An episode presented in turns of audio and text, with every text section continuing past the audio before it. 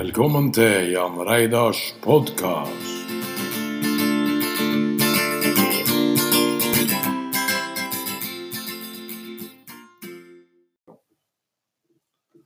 Hei og velkommen til denne timen med en ny podkast. Jeg har flytta meg til urbane strøk, til Birkeland. Og her sitter jeg i Birkenesavisa sine flotte lokaler. Jeg har med meg prominente gjester, eh, og vi skal snakke om eh, kommunens ve og vel på flere områder. Om eh, hva som har skjedd av viktige og engasjerte saker i Birkenes kommune som engasjerer folk, og som er viktige for folk. Og jeg har med meg to som sagt, prominente gjester. Jeg vil kalle de tungvektere. Geir Willy Haugen fra Birkenesavisa. Han har vært journalist i ni år. Fire, fem år har han vært i Birkenesavisa og er en kjent skikkelse i lokalmiljøet. Tor Børresen fra Lillesandsposten er jo en veldig kjent skikkelse i lokalmiljøet. Han har vel egentlig vært journalist siden han ble voksen. og har vel nærmere 30 år på baken. Og har bl.a. bakgrunn i Agderposten. Samme som Geir Willy, som kom fra Venstre Tidende og Kristiansand Avis.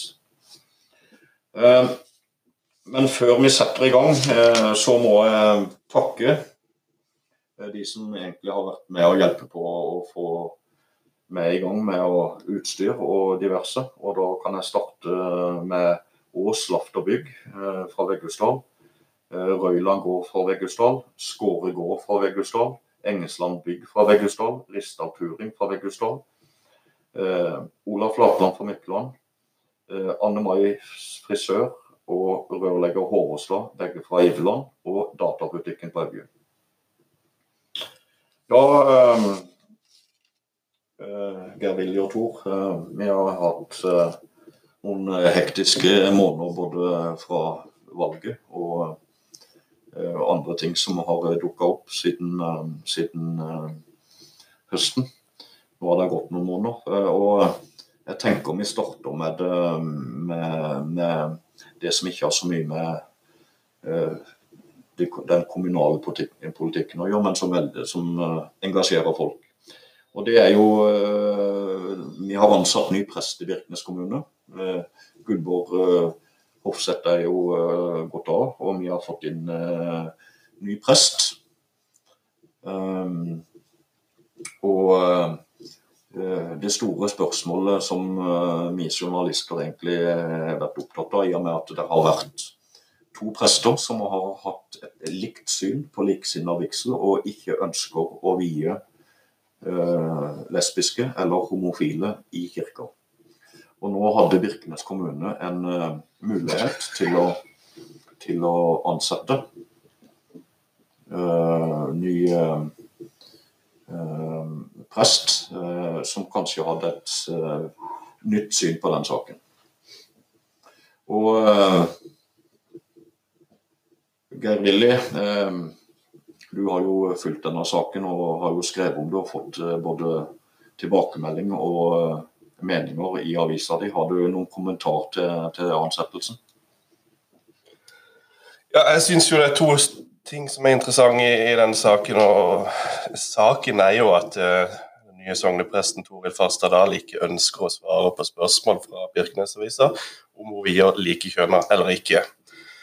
Og Jeg personlig syns jo at sogneprester bør svare på spørsmål fra lokalpressa. For dette er et spørsmål som er interessant både for konservative og liberale i Den norske kirke og i Birkenes-samfunnet for øvrig. Så er det også interessant at det åpenbart ikke stilles systematiske spørsmål ved ansettelse. For jeg har inntrykk av at eh, Dahl ikke er spurt om hva hun mener om dette. Og når hun ikke blir spurt om hva hun mener om dette, så er det jo vanskelig for menighetsrådet og bispedømmerådet å ta en informert beslutning når de ansetter noen. Ja.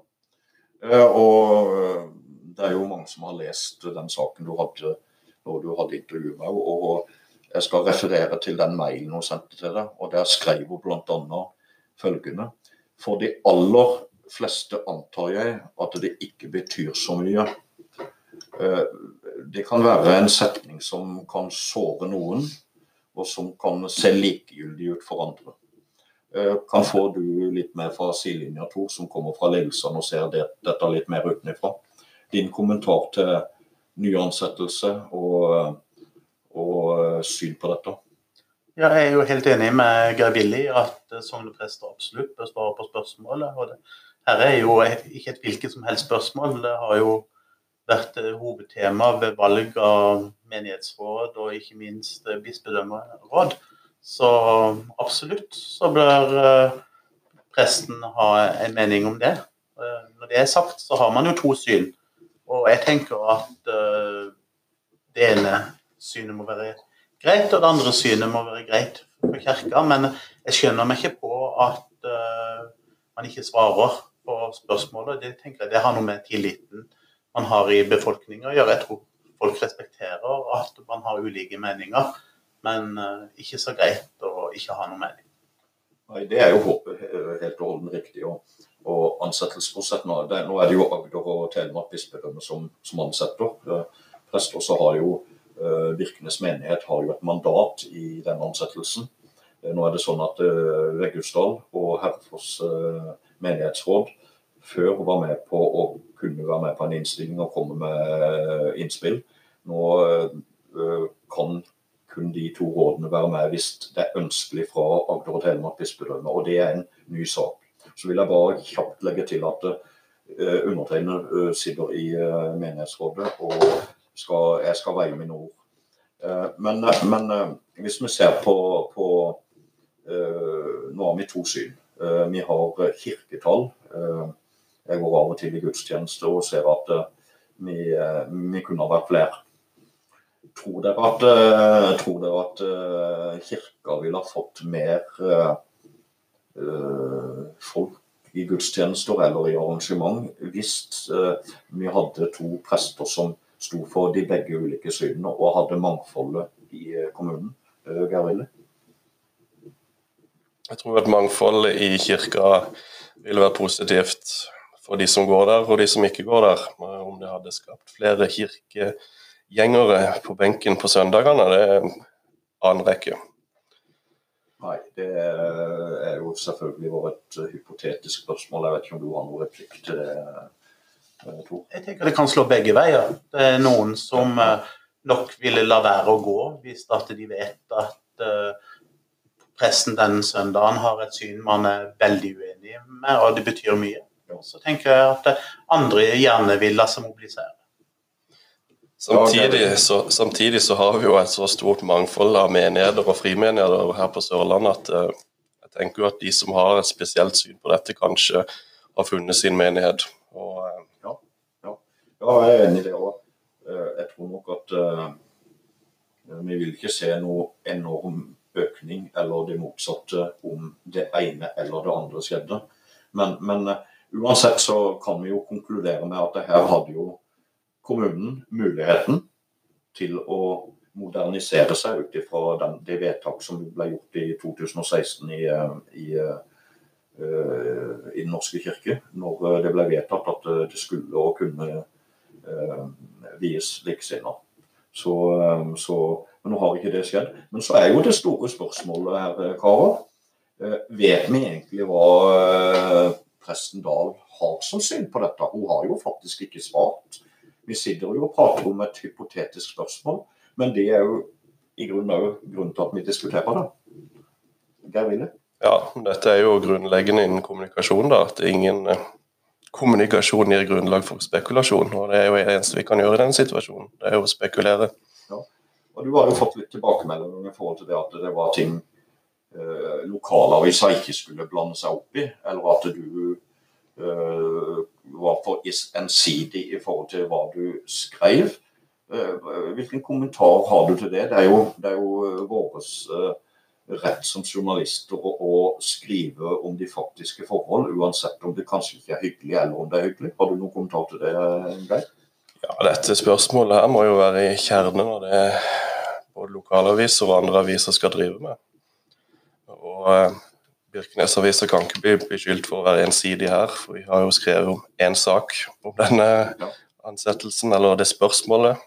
Og vi har ikke tatt stilling til det på lederplass, så ensidighet det er vanskelig å spore her. Ja. Tor, du, som sagt, du har jo vært journalist og fulgt eh, både politiske spørsmål og kulturelle spørsmål i, i eh, snart 30 år. Eh, er det noen grenser for hvor stor bygda eller kommunen skal være for hva vi kan ytre oss om i, i en lokalavis? Nei, det syns jeg ikke. Jeg syns absolutt at Birkenesavisa skal skrive om en presteansettelse og utfordre presten på de interessante spørsmåla som ligger i, i det her området. Uh, og jeg vil jo si Geir fikk jo egentlig sånn litt sånn pepper for å, liksom at det var det første spørsmålet han stilte. Jeg ville jo tenkt sånn, Hvis det var meg som skulle skrive den artikkelen, så ville, jeg hadde jo jeg starta med det spørsmålet. For det, er jo et spørsmål som kanskje de fleste stiller seg. Og da er det jo interessant å få et svar. Men uh, svar får vi ikke her i, i, i dag. Uh, så uh, jeg tror vi skal gå videre og la, la ansettelsen av ny prest ligge. Så da, da går vi på noe som over til litt sånn politiske saker. Og eiendomsskatten det er jo sånn et skremselsord og noe folk drar inn i alle kommentarfelt og debatter. og kan starte med Gerilli. Eh, du følger jo eh, tidligere Birkenes. Eh, er eiendomsskatten for høy i Birkenes? Er det greit med eiendomsskatt, eller skal folk være fornøyde, eller skal de ikke være fornøyd med den eiendomsskatten vi har i Birkenes? Nei, Jeg tror det er et rimelig enkelt svar på det spørsmålet. Ja. Og det er jo tydelig i hele spekteret av politikere. Det er ingen som liker eiendomsskatten, men det er mange som har problemer med å finne en løsning for hvordan man skal bli kvitt den. Um, jeg tror innbyggerne rett og slett må akseptere at uh, eiendomsskatten er som den er, eiendomsskatten bidrar til å finansiere de velferdsløsningene som vi har i Birkenes. Eh, ja, for Tor, eiendomsskatten er jo egentlig vår felles, en av våre felles bidragsmåter til fellessamfunnet. Eh, hvor viktig er eiendomsskatten? Eller, ja. Det er klart den er veldig viktig for kommunens inntekter. Men så er det jo da hvordan skal innrettes som er det store spørsmålet. Og jeg merker meg jo, Vi dekker jo to kommuner. Ja. og Både Lillesand og Birkenes har eiendomsskatt. Men i Birkenes så er det et kjempetema. I Lillesand er det nesten ikke et tema. Og det har noe med innretninga å gjøre. At uh, Lillesand kommune de gjennomførte takst på alle eiendommene. Og de ga et romslig bunnfradrag og en reduksjonsfaktor som gjør at eh, vanlige hus blir beskatta med en 1500-2000 eh, kroner i året. Mens eh, tilsvarende boliger her oppe i Birkenes må betale 8000-10 000. Og folk opplever kanskje òg at i og med at man har lagt ligningstaksten til grunn, at det blir urettferdig. Og Det er jo ofte slik at naboer sammenligner seg med hverandre, bl.a. over, over kommunegrenser. I forhold til Eiendomsskatten er jo uh, viktig, slik jeg forstår det, i forhold til uh, bedrifter, nyskapning. Er det den samme forskjellen på, på privatpersoner og bedrifter i Lillesand og Birkenes? Nei, enda større for næringslivet. I Birkenes? i Birkenes der har kommunen satt seg på maks. Nå tvinger vel regjeringa de til å måtte eh, redusere satsen. Men uh, Birkenes har bevisst valgt å legge seg på maks sats. Og det har nok noe med at man har uh, inntekter fra kraftverk, og nå får man det jo fra, fra vindkraft etter hvert. Og da vil man ha maks ut av det. Men jeg lagde et regnestykke på Ikea. Spennende. Hvis Ikea hadde vært i Birkenes og ikke i Lillesand, så hadde de måttet betale to millioner kroner mer i året i eiendomsskatt. Det er nesten utrolige tall. Uh, uh, hva, hva, hva um, altså, Det betyr at de inntektene som da Birkenes tar inn på eiendomsskatten som er nå, er det en fordelingsnøkkel der som gjør den mer human i forhold til at de takstene er høyere enn i f.eks. Lillesand? Nei, når det gjelder vanlige boliger, ja. så er det jo da at Lillesand kommune har lagt inn et bunnfradrag. Ja. Eh, nå er det for tida 600 000. som trekkes fra taksten. I Birkenes er den på 50 000. Ja. Så det, er med å skjerme de si, billigste husene. At de betaler lite eiendomsskatt. Men uh, Geir Willy, altså, er ikke dette med egentlig på så altså, Det er jo bare en liten sykkeltur mellom kommunene våre. Uh, hvis jeg skulle starte en uh, litt større bedrift, investere i noe her, ville det ikke være naturlig for meg å flytte min, eller hvis jeg hadde valget og bodde i nærheten her, og, legge den til Lillesand og ikke til Birkeland? Jo, det er helt klart at det er urettferdig at det skal være forskjeller mellom Lillesand og Birkenes på dette området. Og det bør jo være noe som stemmer sentralt, dette med eiendomsskatter. For nå får jo innbyggerne i Birkenes svi for at de bor i en dyrere kommune og drift enn det de gjør i Lillesand. Ja, og i tillegg så har vi jo litt selvfølgelig noen andre inntekter her enn vi har i Lillesand, og motsatt. Men, men eh, sånn sett så vil det jo være mer lønnsomt. Og når du nevner at Ikea, hvis Ikea hadde ligget på Birkeland, så ville de få en merkostnad på to millioner, så er jo nesten det skremmende tall. Eh, enorme tall, spør du meg, eh, her. Så, så Men eh, for dere som har kunnskap om dette, karer. Vi hadde, ny, vi hadde jo valg i høst, og der kom det inn nytt kommunestyre osv.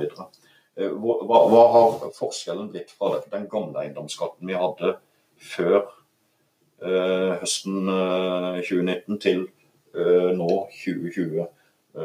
hva er den forskjellen? Det er nesten ikke forskjell.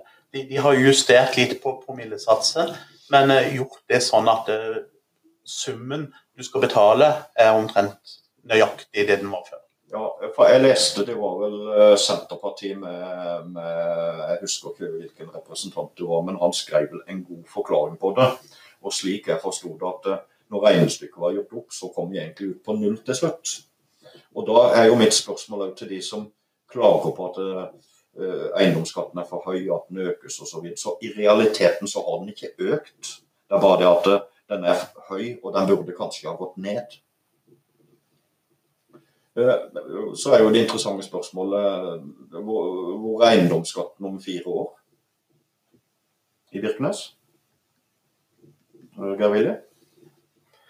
Nei, Det er jo ingen grunn til å tro at uh, Birkenes-økonomien er noe særlig bedre om fire år enn det han er i dag. Så det spørs vel ikke om han er på samme nivå. Uh, Sluttreplikk på det, Tor? Uh. Jeg er enig i det, men uh, politikerne er jo avgjort uh, ikke så lysne på å. De, de, de, gjør jo det de kan hvert år for å se om det er noe de kan gjøre, men så finner de altså ikke andre steder å kutte på. Da har de gjort seg avhengig av den eiendomsskatten. Men det en eventuelt kan håpe på, da, er jo at uh, hvis når dette vindkraftverkene kommer, at det vil gi såpass med mer inntekter at man kan eventuelt redusere på andre inntekter. Det gjenstår jo å se. Ja, nettopp. Og uh, nå snakker du egentlig om noe vi kommer inn på senere i forhold til vindkraft og inntekter uh, osv. Skal vi jo ta i slutten av, av sendinga. Men eh, det blir jo egentlig litt greit å gå over på et annet tema. Eh, som ligger litt i, i, dette, og argumentasjonen ute blant folk. Det ble jo, eh, når det kom fram at eh, det nye kommunestyret hadde vedtatt ny lønn til seg sjøl. Bare det i seg sjøl eh, er jo med på å skape konflikt.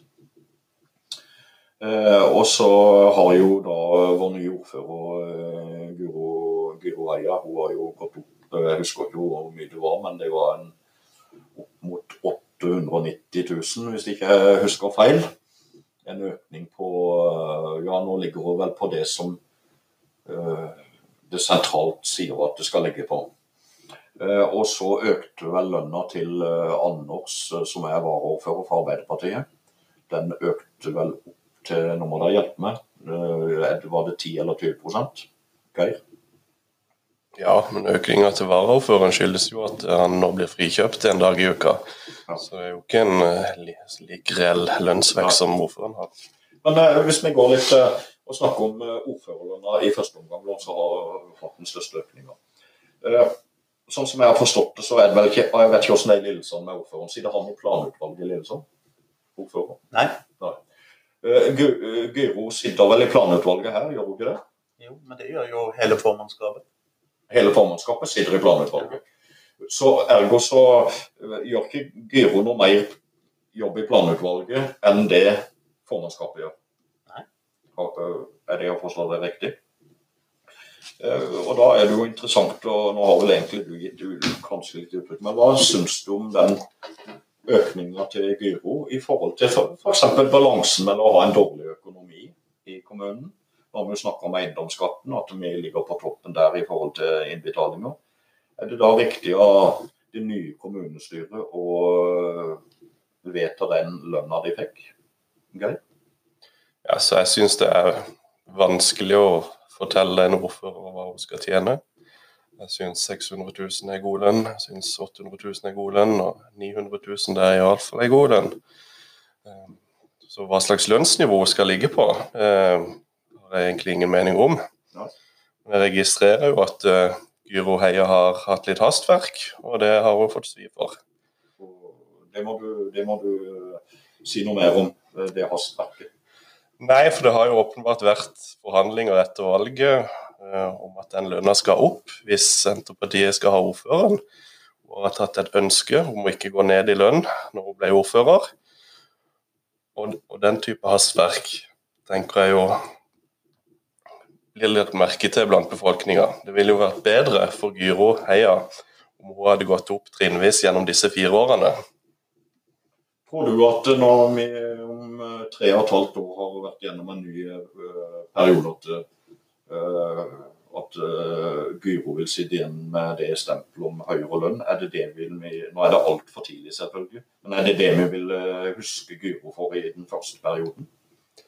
Nei, jeg har ikke noe tro på at eh, Heia vil bli huska for eh, lønnshoppet sitt. Eh, Tor, eh, din, eh, dine tanker om, eh, om eh, ordføreren av Birkenes? Ja, jeg tror jo kanskje at eh, noen vil passe på å minne om at det var det første Senterpartiet gjorde når de skulle ha ordfører. Og jeg syns vel det var litt umusikalsk når man eh, gjør det samtidig som man kutter på alle andre områder. Og eh, jeg har jo skrevet på lederplass at jeg syns at eh, hvis man hadde sånne planer, så burde man sagt det i valgkampen. Man burde spilt med, med åpne kort at vi har en så god kandidat at hun skal bli ordfører, men hun må ha den samme lønna som hun har i dag. Så kunne folk ha, ta stilling til det. Jeg er for så vidt ikke så opptatt av heller, som Geir Willy sier, og hvor mye hun tjener. For det, det, det er liksom, men det, men det er alt rundt som er med på å avgjøre om det er riktig eller ikke. Og så er det, som du sier, Tor, det er jo tidspunktet. Eh, nå er det jo blitt eh, forandringer i flere andre kommuner, og jeg forstår kanskje at Birkenes kommune skal gjøre det samme. At eh, nå skal eventuelt lønn, ny lønn, lønnsforhandlinger skal skje og bestemmes av det gamle kommunestyret før det nye kommunestyret eh, trer inn. Eh, Kommentar til det, er ikke det mer riktig? For det, det, det, det, er jo, det blir jo lagt merke til det som skjedde i høst. Det vil jo uansett være politikerne som bestemmer sin egen lønn. Så om det har en stor praktisk forskjell, det er jeg litt usikker på. Eh, Tor, Um... Nei, Jeg er enig i det, og man har jo eksempler på det at kommunestyret står uansett fritt til å justere stillingprosenter og, lønn og sånn, men jeg syns det er et område man bør da klargjøre før man går til valg. Men, men, men eh, i, i så fall eh, spørsmål til begge. Eh, Hvem, hvem burde, hvis ikke kommunestyret eller politikeren sjøl skulle bestemme lønna, hvem skulle bestemme den da? To? Nei, jeg har ikke sagt at det er feil sånn som det er i dag, men det, det kunne kanskje vært et statlig eh, regulativ som det er på andre områder. At eh, kommuner av den størrelsen har en ordførerlønn som er så og så mange prosent av stortingslønn osv. ja. Ja, det er jo det er helt klart at det er politikerne sjøl som må bestemme dette, enten sentralt eller lokalt. Jeg skulle jo ønske at det var en litt mer prinsipiell debatt i kommunestyret da, om lønn. For det vi så under fjorårets debatt, var jo at det var veldig vanskelig å skille mellom ordfører, ordføreren og personen Gyro Heia.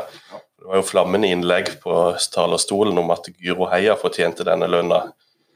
Men en ny ordfører som eventuelt overtar for henne, vil jo få samme lønn.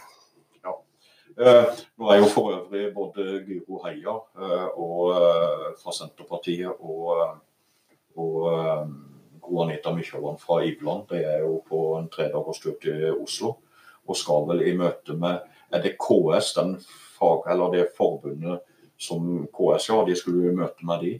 Og de har vel satser på bl.a. ordførerlønn. Eh, og, og regulativ på det. Og eh, Ifølge det så har jeg forstått at Birkenes kommune lå godt under det. Så er det noen enkelte kommuner som ligger et godt stykke over det. Men Tor er jo inne på et vesentlig punkt her. Det har jo òg litt med størrelsen på kommunen. Eh, Jeg vil jo tro at eh, det er større oppgaver eh, selv å være ordfører i Lillesand enn det er på Birkeland. Tor, nå vet ikke jeg hvor mye ordføreren har i lønn i Lillesand, men jeg vil tro det er litt mer. Den ligger litt over Birkenes. og Jeg mener å huske at det er 90 av en stortingslønn som er utgangspunktet i Lillesand. Og, og den har ligget fast lenge. Eh, Sånn at da slipper de å ta stilling til det. Når stortingslønna går opp, så går eh, ordførerlønna i Lillesand opp. Ok, så den, den er sånn, det, det blir nesten ikke debatt om det, den bare, den bare ligger der og, og, og følger. Det måtte jo være en idé for, eh, for Birkenes å komme inn i ei ordentlig løype og sitte der og, og følge regulativet. For da vil ikke politikerne sjøl få stempelet på seg om at her sitter vi egentlig og så melker over egen ku. Ja, men det er vel nettopp det Senterpartiet har nå gått inn for, for de har økt den eh, fra det han var på før, og til 90 av en statsrådlønn. Og da er det jo gjort. Nå vil det bli årlige justeringer av den lønna uten at kommunestyret trenger å foreta seg noe. Nå skal vi snart avslutte den diskusjonen, men, men eh, du har jo nevnt Senterpartiet flere ganger. Nå er jo Gyro eh, Senterpartiet-politiker, og har kanskje vært veldig aktiv når de satt og forhandla. Og tidligere uh, forsto jeg riktig når uh, Vinsland var ordfører, gikk han ned i lønn? Er det korrekt? Hva gjorde de på den tida? Det er jo fire år, fire åtte år siden. Du vel kanskje, Jeg vet ikke om du har kommet nummer to, du kjenner kanskje til hva Hvis vi ser litt kort tilbake i historien her. Jeg vet ikke om han gikk opp eller ned i lønn, men eh, han hadde iallfall betydelig lavere lønn enn det som er tilfellet nå. Og så kan det godt være at den var for lav. Eh, Det vil jeg kanskje tro. Jeg bare mener å ha lest at Arild Vinsmann ønska å gikk ned i lønn på egne Det kan være jeg tar feil her. Men eh, for fire og et halvt år siden, når eh, Anders Kristiansen fra Arbeiderpartiet eh, kom inn som ordfører, da ble det ikke forandra på noe, tror jeg. Jeg tror den ble det ikke stående på det samme da. Og det var jo kanskje et signal for Arbeiderpartiet òg, at de ønska ikke å, å ta skattekronene til, til innbyggerne på, på deres lønn. Så, eh, sånn sett. Men uh, vi skal snart eh, avrunde uh, lønnssaken. Og uh, i den første bolken nå som, som vi avslutter om, om kort tid, så skal vi i neste bolk, i sending nummer to, da kommer vi inn bl.a. på noe som har engasjert mange, nemlig vindmøllesaken og vindmøller i Birkenes kommune. Så eh, heng på og følg med til i neste, i neste bolk. Takk. Ok, Velkommen til andre bolk av denne podkasten fra Birkeland, hvor jeg har med meg eh, Geir Willy eh, Haugen fra Birkenesavisa, Tor Børresen fra Lillesandsposten. Da skal vi, har vi spart den tyngste saken eh, i Birkenes kommune, kanskje i Birkenes kommunes historie noen gang. Og det er vindmøllesaken, eller vindturbiner for å være mer korrekt. Men før vi går på den, så vil jeg gjerne dele ut eh, Jeg skal ikke kalle det ukens blomst og ukens kaktus, men eh, nå er det en stund siden jeg har hatt podkast. Men siden jeg er på Birkeland, så har jeg lyst til å tildele en eh, blomst eh, til en person som har satt eh, bygda på kartet. Og vi som sitter her, vi tre eh, mannfolk, har eh, egentlig ikke diskutert så mye, for vi var enige om at eh, skiskytter eh, Martin Uldal, eh, som tok stafettgull for Norge i junior-VM, Han får eh, blomst eh, etter stafettgullet, og individuelt en sjette, syvende og en fjortende plass i VM. Så om Martin eh, skulle høre dette, eh, eller eh, mor eller far, så kan dere gå ned på Birkeland blomsterpark og hente blomster. Gratulerer. OK, da skal vi til tungt materie, vindmøllesaken. Eh, hvorfor engasjerer den folk, eh, Gervild? Den engasjerer folk fordi det er jo enorme naturinngrep eh, lokalt på Deia og Bjelkeberg. Eh, og naturen står sterkt i, i, Birkenes. Det ser vi jo bare med alle de toppturløypene og alt engasjement man har for naturen i Birkenes. Eh, Tor, eh, trenger Birkenes vindmøller? Det skal ikke jeg ha sagt eh, verken det ene eller det andre til. Men det er jo store verdier det er snakk om. Både naturverdier og økonomiske verdier. For, eh, som, som, berører både grunneiere og eh, turfolk og kommunen. Eh, jeg kommer jo selv fra, fra skogen, og jeg bruker naturen mye. Men jeg ser jo at Birkenes kommune trenger penger, og dette kan være en måte å tjene penger på. Men Geir Willy, når status er gjort opp, når vindmøllene skal stå oppe, og etter det jeg har forstått, så skal de stå opp og være virksomme 21.12.2021, hvis jeg har fulgt med.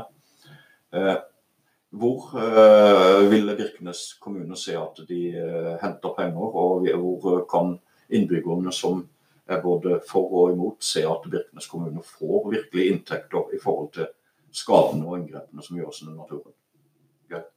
Ja, nei, Senterpartiet har jo en visjon om at inntektene fra dette vindkraftverket skal holdes utenfor det normale budsjettet. og De skal øremerkes ting og tang. Og Det skal vel holde godt å holde de pengene ut forbi den store sluket. Men du, du, du er jo ofte på kommunestyremøter eh, og følger politikerne tett. Eh, har de begynt å se på hvor, eh, hvor, mye penger som kan tjenes inn? og og, og eh, kjenner de til noen summer. Vi vet at det de har allerede blitt brukt veldig mye penger, eh, både lokalt der jeg kommer ifra og, og, og her sentralt i, i, på Birkeland. Um, kan, du, kan du, si noen tall? Har du fått med deg noen tall fra politikerne? Har de uh, funnet regnestykker som gjør at inntjeninga blir bra her? Ja, Det spekuleres veldig om dette vil kunne gi kommunen fem millioner årlig i eiendomsskatt.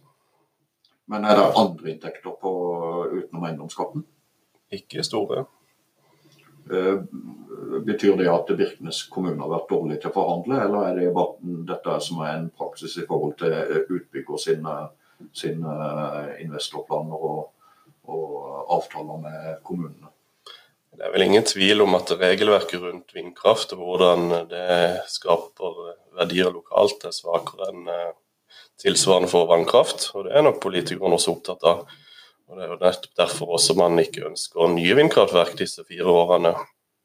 Fordi man ønsker å se, se det an og kanskje håpe på et bedre regelverk nasjonalt. Tor, hvis uh, vindkraftsaken ikke hadde blitt vedtatt og bestemt før det nye kommunestyrevalget vi hadde i høst, hadde, da, hadde vi da fått uh, vindmøllepark i Birkenes kommune? Nei, det er ganske overbevist om at uh, de ikke hadde fått. Og det begrunner du med? Nei, det har vært en holdningsendring til uh, vindkraft uh, over hele landet. Og, og engasjementet har bare vært økende. Så jeg er ganske overbevist om at en avstemning i dag hadde gitt et klart nei. Ja, det er jo noe flere av oss eh, føler og tenker. Eh, så er det jo en annen ting det at uh, Gyro Heia, som er ordfører, har jo fått en del pepper. og Litt på hos sin person og litt på hos som ordfører. Og, og, strengt tatt, sånn det jeg kjenner av Gyro og flere av Senterpartipolitikerne, de er jo ikke akkurat de var jo ikke kjempebegeistra for utbygginga, men de har jo måttet tatt over et verk fra det tidligere kommunestyret, og må jo følge dette opp så eh, godt de kan. To. Ja, Men Senterpartiet er jo det partiet som virkelig har hatt spenningene innad i partiet. Ja, for at ja.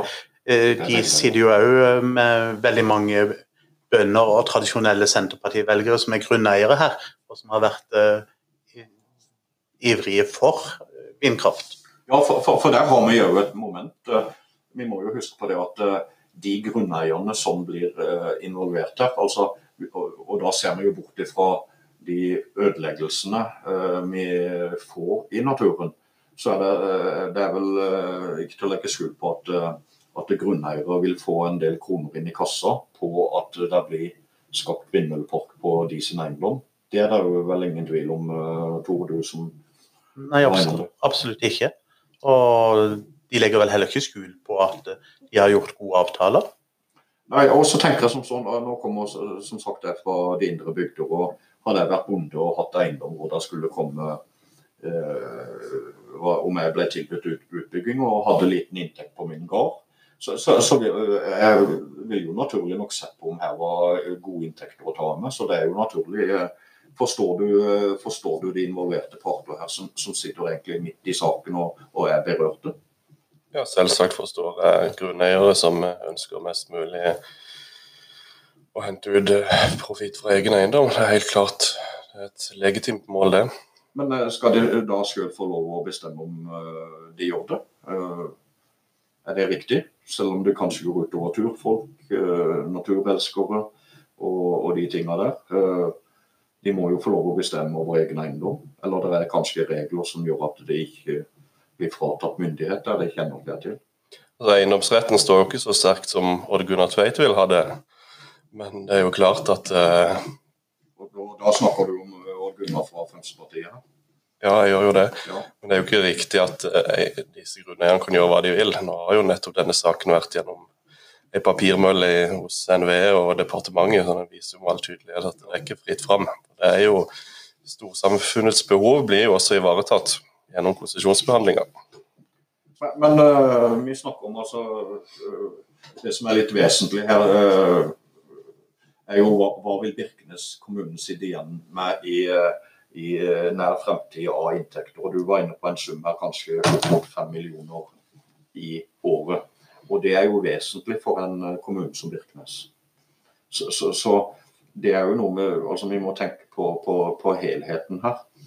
Um, og så Innunder samme sak så har vi jo, så har jo vi fått ei bro på Sennomstad som eh, eh, nesten er, som er blitt like omtalt som Golden Gate uh, i, i USA. Um, eh, hva syns du om den uh, debatten og de eh, planene, avtalene, samtalene som er gjort med fylkeskommune, kommune, NVE osv.? Har dere noen kommentarer til det? Tor? Tor? Fylket skal jo i utgangspunktet holde fylkesveiene. Ja. Men så er det jo det at eh, for å få disse vindturbinene over broa, så må broa forsterkes. Og det er jo da Birkenes kommune har sagt seg villig, sammen med RV, til å betale 40% men nå sier vel fylket kanskje at eh, kommunen må betale minst 50% for at de skal være med. Og da er man jo ved et skjæringspunkt her for hva, hva skal man være villig til å legge i et sånt prosjekt. Og så er det jo det at den broa om noen år må jo forsterkes eh, nok uansett. Og så har du samtidig skaueiere som eh, er veldig ivrige etter at eh, de må ha ei bro som tåler den lasta som de har og skal ha ut på markedet. Ja, og, og i den forbindelse er det jo sånn at hvis vi ser infrastrukturen og framtida framover, så blir det jo f.eks. tømmer som blir kjørt fram. Der kommer jo lastebilen blir jo større. Eh, tillatelse til å kjøre frem tømmer med flere tonn blir jo større. og Ergo så må jo disse broene uansett bygges ut. En kommentar til, til det som pågår rundt Sennomstadbrua eller, eller veien til, til, eh, til der vindturbinene skal kjøres og settes opp. Ja, Det skal bli spennende å se hva fylkestinget nå 25.2 bestemmer seg for. Om hvor stor del av kaka de ønsker å finansiere.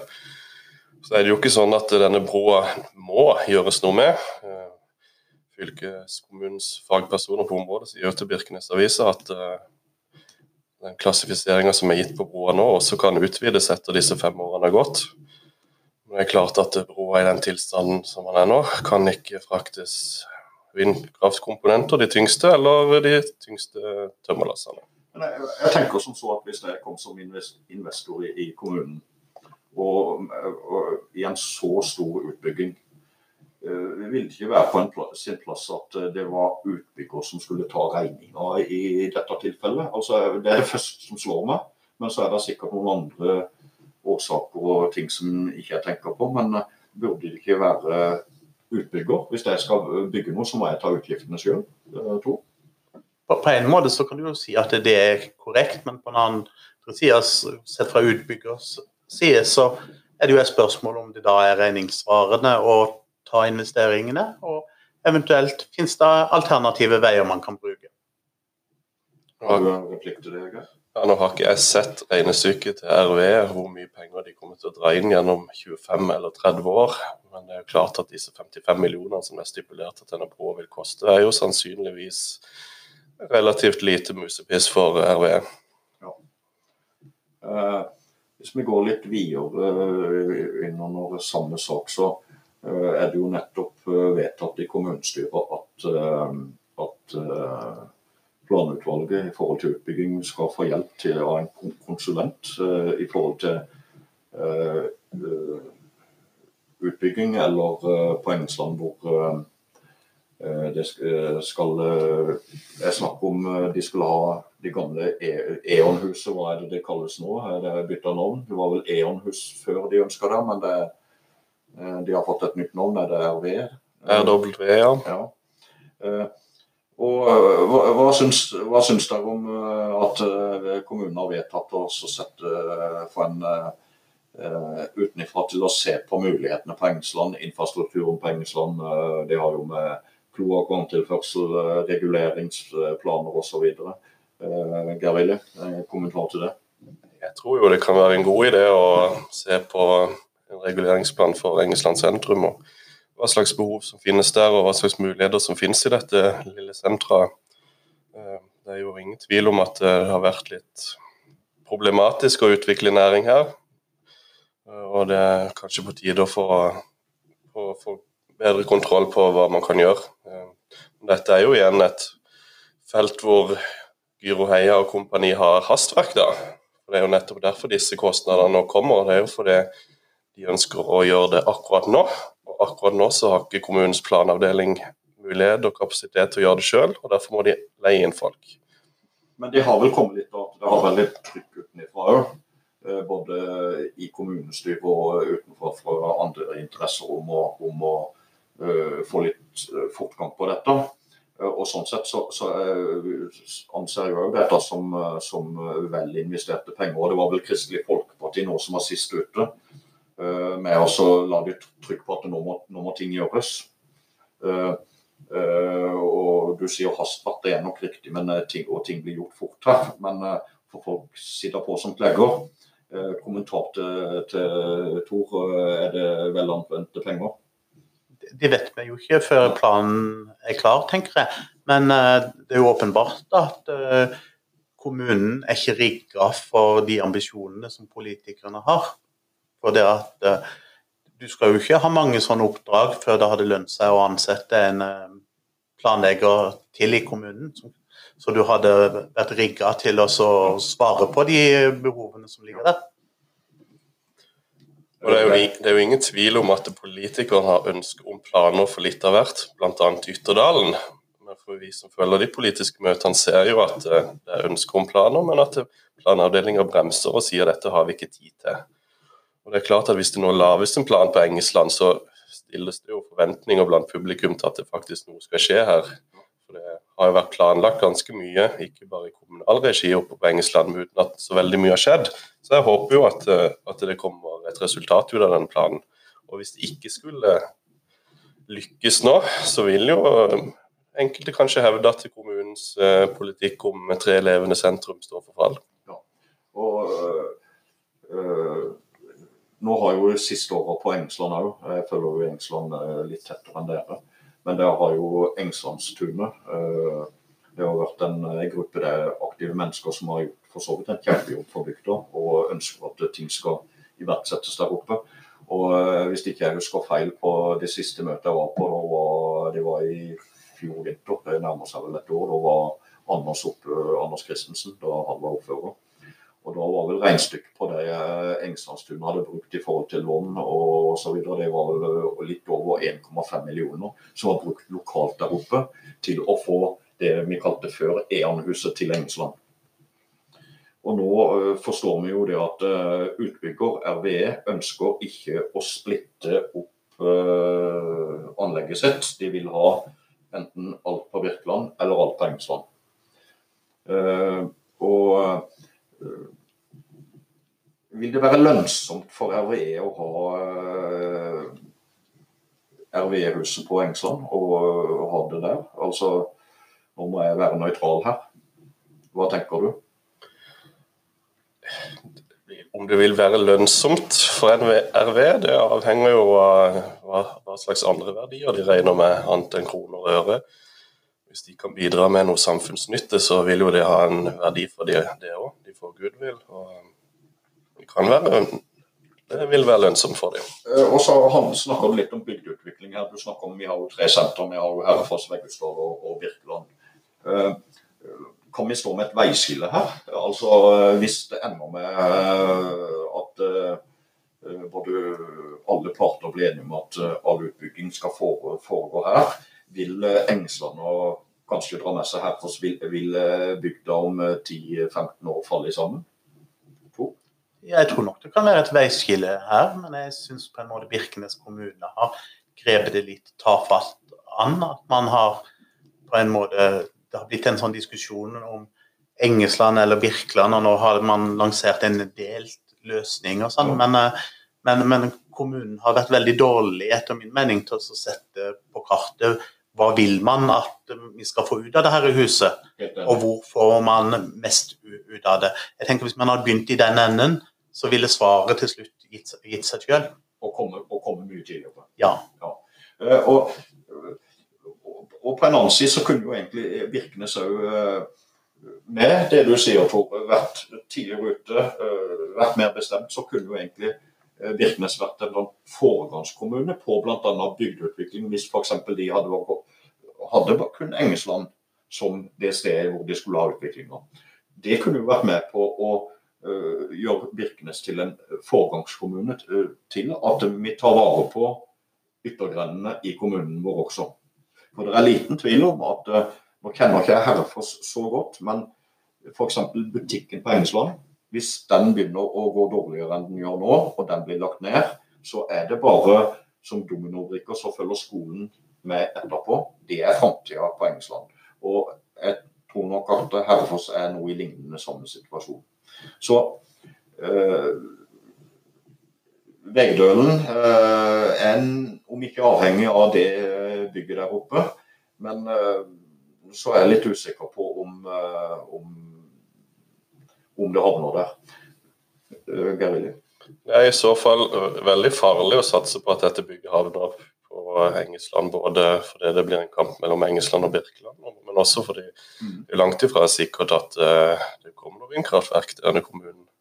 Nå begynner jo RW å få hastverk, og motstanderne øyner håp om at de ikke vil klare det tidsfristen. og Da blir det jo verken vindkraft eller noe innovasjonsbygg. Så vi kan ikke satse fremtida på Engesland på at eh, RW skal inn der. Uh, interessant det du er inne på her, Geir altså, hvor, står det nå, sånn som du føler? Kan vi faktisk ende i den situasjonen at Birkenes kan gå glipp av penger, gå glipp av muligheten, og at naturelskerne får det faktisk som de vil her? er det så dårlig tid. Og Det betyr jo at det må ha vært dårlig planlegging, kanskje. Altså, siste utvikling i den saken er jo at uh, NVE ikke vil behandle detaljplanen til RW før eh, kommunen har gitt dispensasjon fra areal, kommunens arealplan. Og Det betyr en utsettelse. Hvor stor den utsettelsen er, det kan verken jeg eller RW fortelle. Men eh, de har jo planlagt å ta en investeringsbeslutning til sommeren. Og Det begynner jo å nærme seg sommeren, det har ikke vært noe vinter. Men eh, jeg syns det skal bli spennende å følge. En annen ting, du, du er jo ei flue på veggen i kommunestyret. og følger kanskje litt debatten i gangen òg. Hvem, hvem er det som er imot eh, i kommunen da, eh, for at bygget skal til Engesland? Er ser du noen tydelige uh, grupperinger uh, politisk sett? uh, politiske partier som mener det eller det? Hvor står de ulike partiene og politikerne i den saken? Kan du si litt noe om det?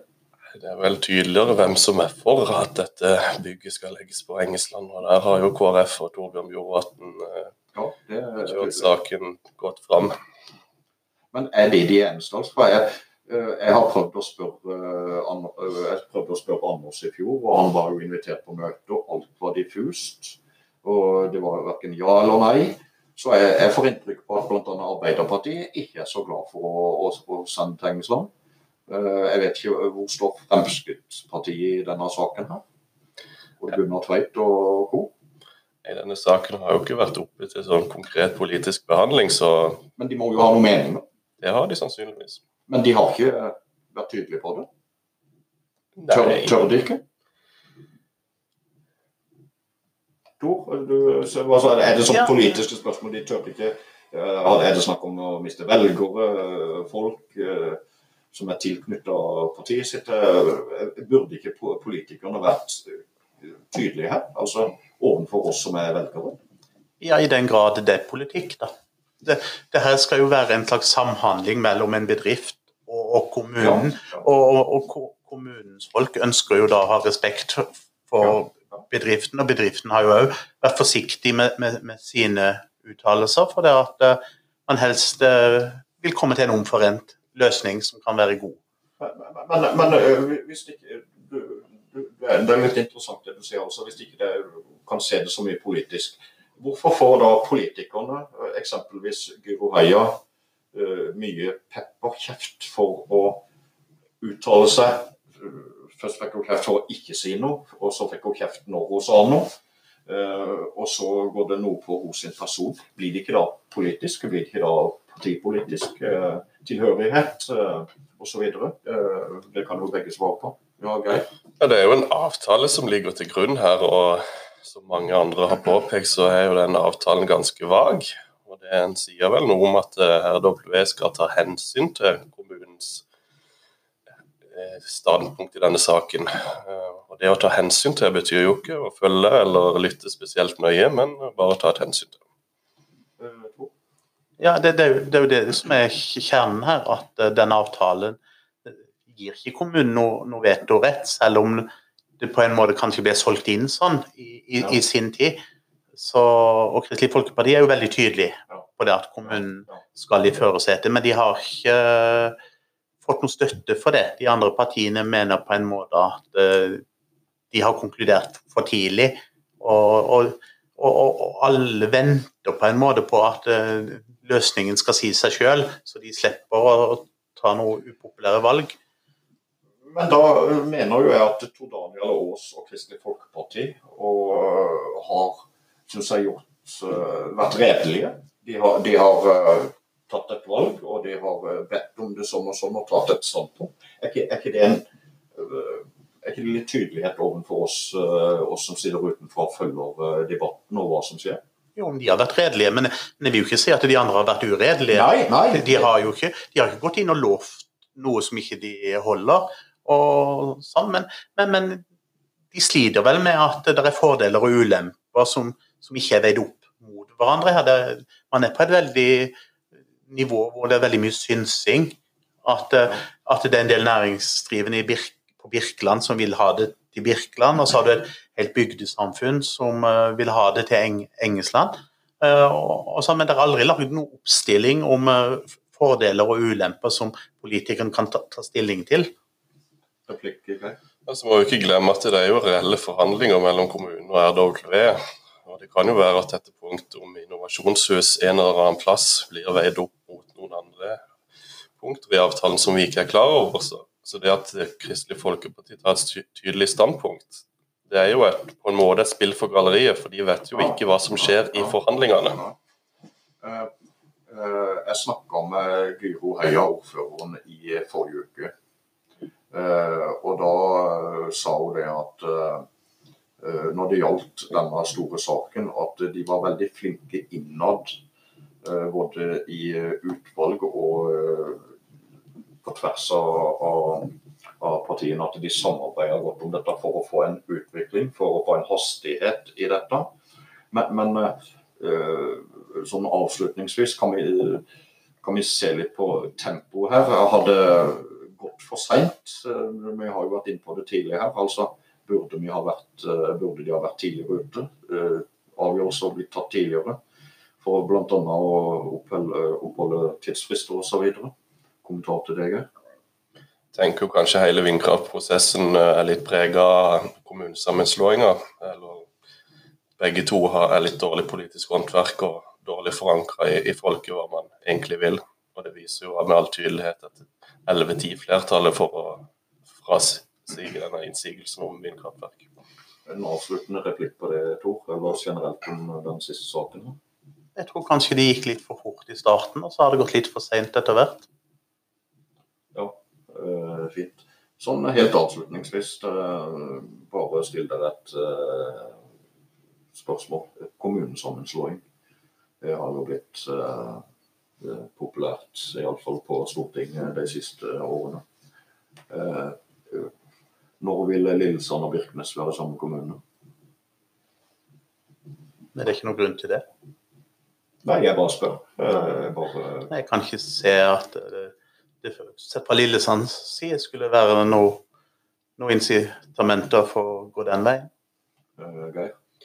Nei, her er jeg jo helt enig. Jeg forstår ikke hvorfor Birkenes skal slå seg sammen med Nei, det, var, det hørtes ut som et Donald Duck-spørsmål. Jeg, er jeg, jeg er jo enig i det. Men det var vel eh, eh, Birkenes Det har vel vært snakk om at det var sammenslåing med Kristiansand. Eh, nå var det etter meg. Men eh, hvilke interesser ville det ha for eh, meg som innbygger?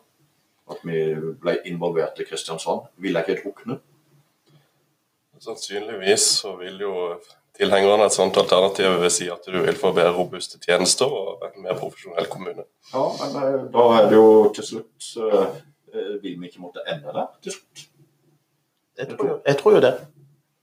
Så du, eh, da kan vi avslutte med å si at uh, Tor Børresen eh, antar at Birkenes kommune eh, ikke er en kommune om eh, 20 år, kanskje? Ja, det kan jo godt. Ja. Nei, men Da må jeg takke både Lillesandsposten og Birkenesavisa for en eh, flott time, hvor vi har gått igjennom litt av eh, de viktigste sakene her. Så høres vi snart. Hei, hei.